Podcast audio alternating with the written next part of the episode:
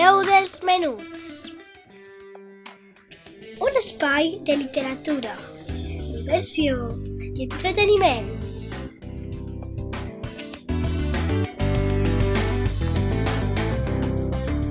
Amb Laia Esteve.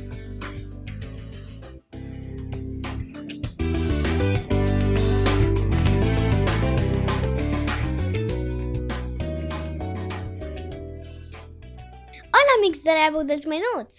Un dissabte més estic aquí per explicar-vos alguna cosa que me va parèixer molt interessant. L'he llegit en un llibre que vaig comprar en la ciutat de les arts i les ciències a València, que es diu Què havia abans del Big Bang? i 54 preguntes científiques més per a revolucionar la ment. Avui parlarem d'una pregunta que diu si jo correc cap avant en una nau espacial que vaig a la velocitat de la llum, vaig més ràpid que la llum? Comencem! És pràcticament segur que la llum és lo més ràpid de l'univers. Pot viatjar a través d'un buit sense aire, com l'espai, a 299.792,458 metres per segon. Mare meua! En realitat no és possible, però si estigueres en una nau espacial que poguera manejar-se a la velocitat de la llum, pareix clar que te mouries més ràpid que la llum. Si de repent corregueres des de la part de darrere a la part de davant de la nau espacial. Però no és tan simple com això. Normalment, la velocitat d'un objecte canvia depenent de qui ho estiga medint i com s'està manejant eixa persona en relació amb l'objecte.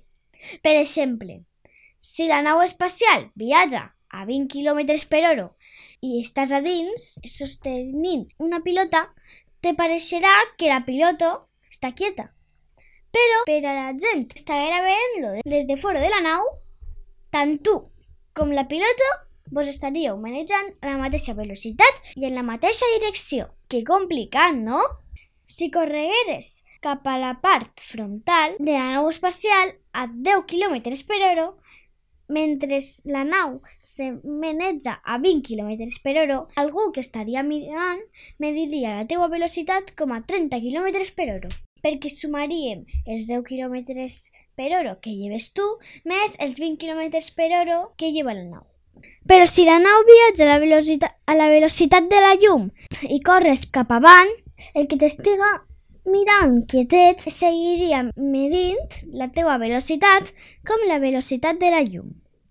La velocitat de la llum és única, permaneix constant, sense importar la velocitat o la direcció de qui la medeix. I fins així el programa d'avui. Ha sigut un programa molt difícil d'entendre.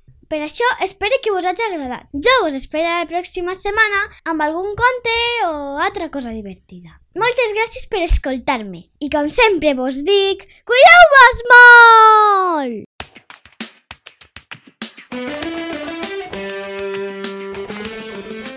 La veu dels menuts. Un espai de literatura, diversió i entreteniment.